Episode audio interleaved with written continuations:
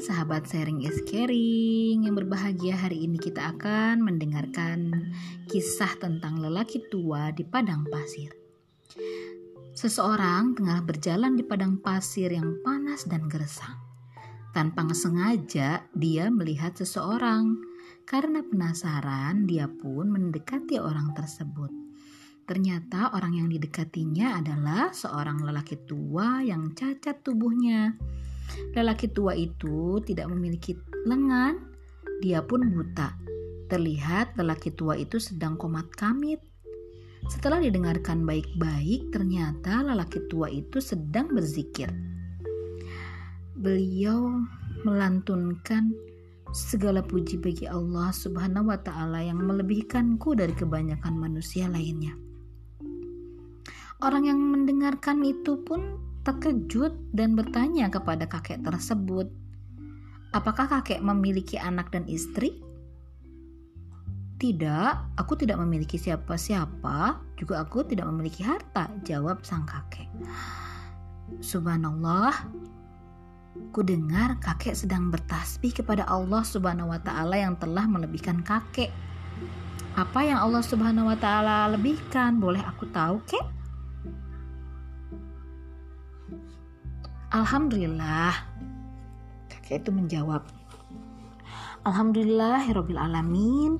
Allah Subhanahu wa taala telah memberiku lisan yang selalu berzikir hati yang selalu bersyukur, dan tubuh yang selalu bersabar atas segala ujian yang menimpaku. Jawab kakek tua itu dengan wajah yang tenang dan berseri-seri.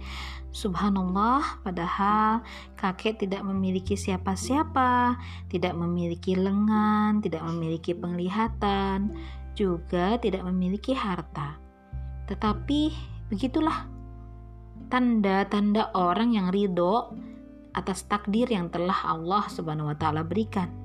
Seberat apa pun cobaan yang menimpanya, dia akan menerimanya dengan penuh kesabaran, penuh kelapangan dan keriduan.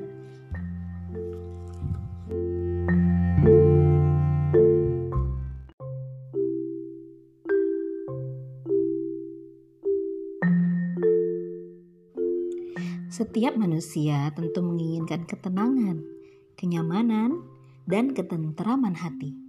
Semuanya dapat diraih, salah satunya melalui iman yang kuat kepada takdir Allah Subhanahu wa Ta'ala.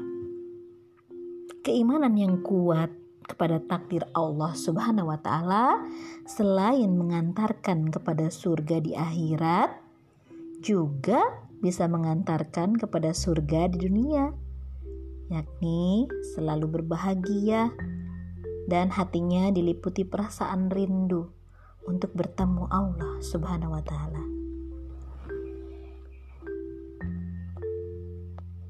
Orang yang beriman kepada takdir Allah Subhanahu wa taala akan selalu berbaik sangka kepadanya. Dia akan selalu ridho menerima apa pun yang Allah Subhanahu wa taala tetapkan untuknya.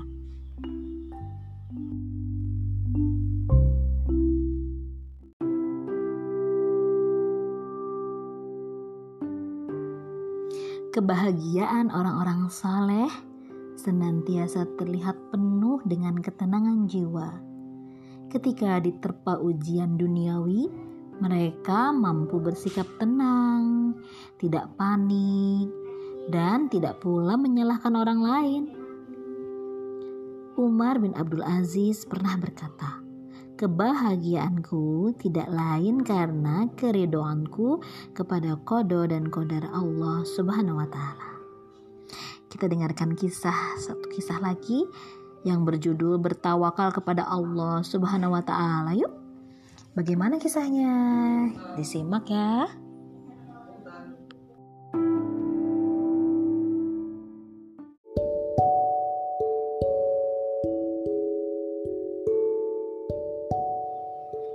Bertawakal kepada Allah Subhanahu wa taala. Suatu ketika, seorang penculik berhasil menculik seorang anak. Anak itu adalah anaknya Auf bin Malik al-Asja'i, salah seorang sahabat Rasulullah wasallam. Mengetahui anaknya telah diculik, Auf pun sedih dan panik. Begitupun dengan istrinya. Mereka takut si penculik akan membinasakan anak mereka. Dengan perasaan sedih dan penuh kekhawatiran, Auf bersama istrinya datang menemui Rasulullah Shallallahu Alaihi Wasallam. Dia hendak meminta nasihat atau petunjuk dari Rasulullah Shallallahu Alaihi Wasallam. Wahai Rasulullah, anakku telah diculik. Apa yang harus aku lakukan? Kata Auf dengan sedih. Rasulullah Shallallahu Alaihi Wasallam bersabda, bertawakallah kepada Allah dan bersabarlah. Aku memerintahkan kepadamu dan kepada istrimu agar memper memperbanyak mengucapkan la haula wala quwata illa billah. La haula wala quwata illa billah. La haula wala quwata illa billah. Auf dan istrinya pun pulang ke rumah mereka benar-benar melakukan yang diperintahkan Rasulullah Shallallahu Alaihi Wasallam kepada mereka. Tidak lama kemudian terdengar suara pintu diketuk, tok tok tok. Auf pun segera membuka pintu rumahnya. Ternyata orang yang mengetuk pintu itu adalah anaknya. Auf bahagia dan sangat bersyukur kepada Allah Subhanahu wa taala karena anaknya telah kembali dengan selamat Bahkan anaknya kembali dengan membawa seratus ekor unta. Unta-unta itu entah mengapa ditinggalkan oleh si penculik. Lalu anak Auf menggiring unta-unta itu ke rumahnya. Siapa yang bertawakal kepada Allah, Allah lah yang akan mencukupinya. Masya Allah.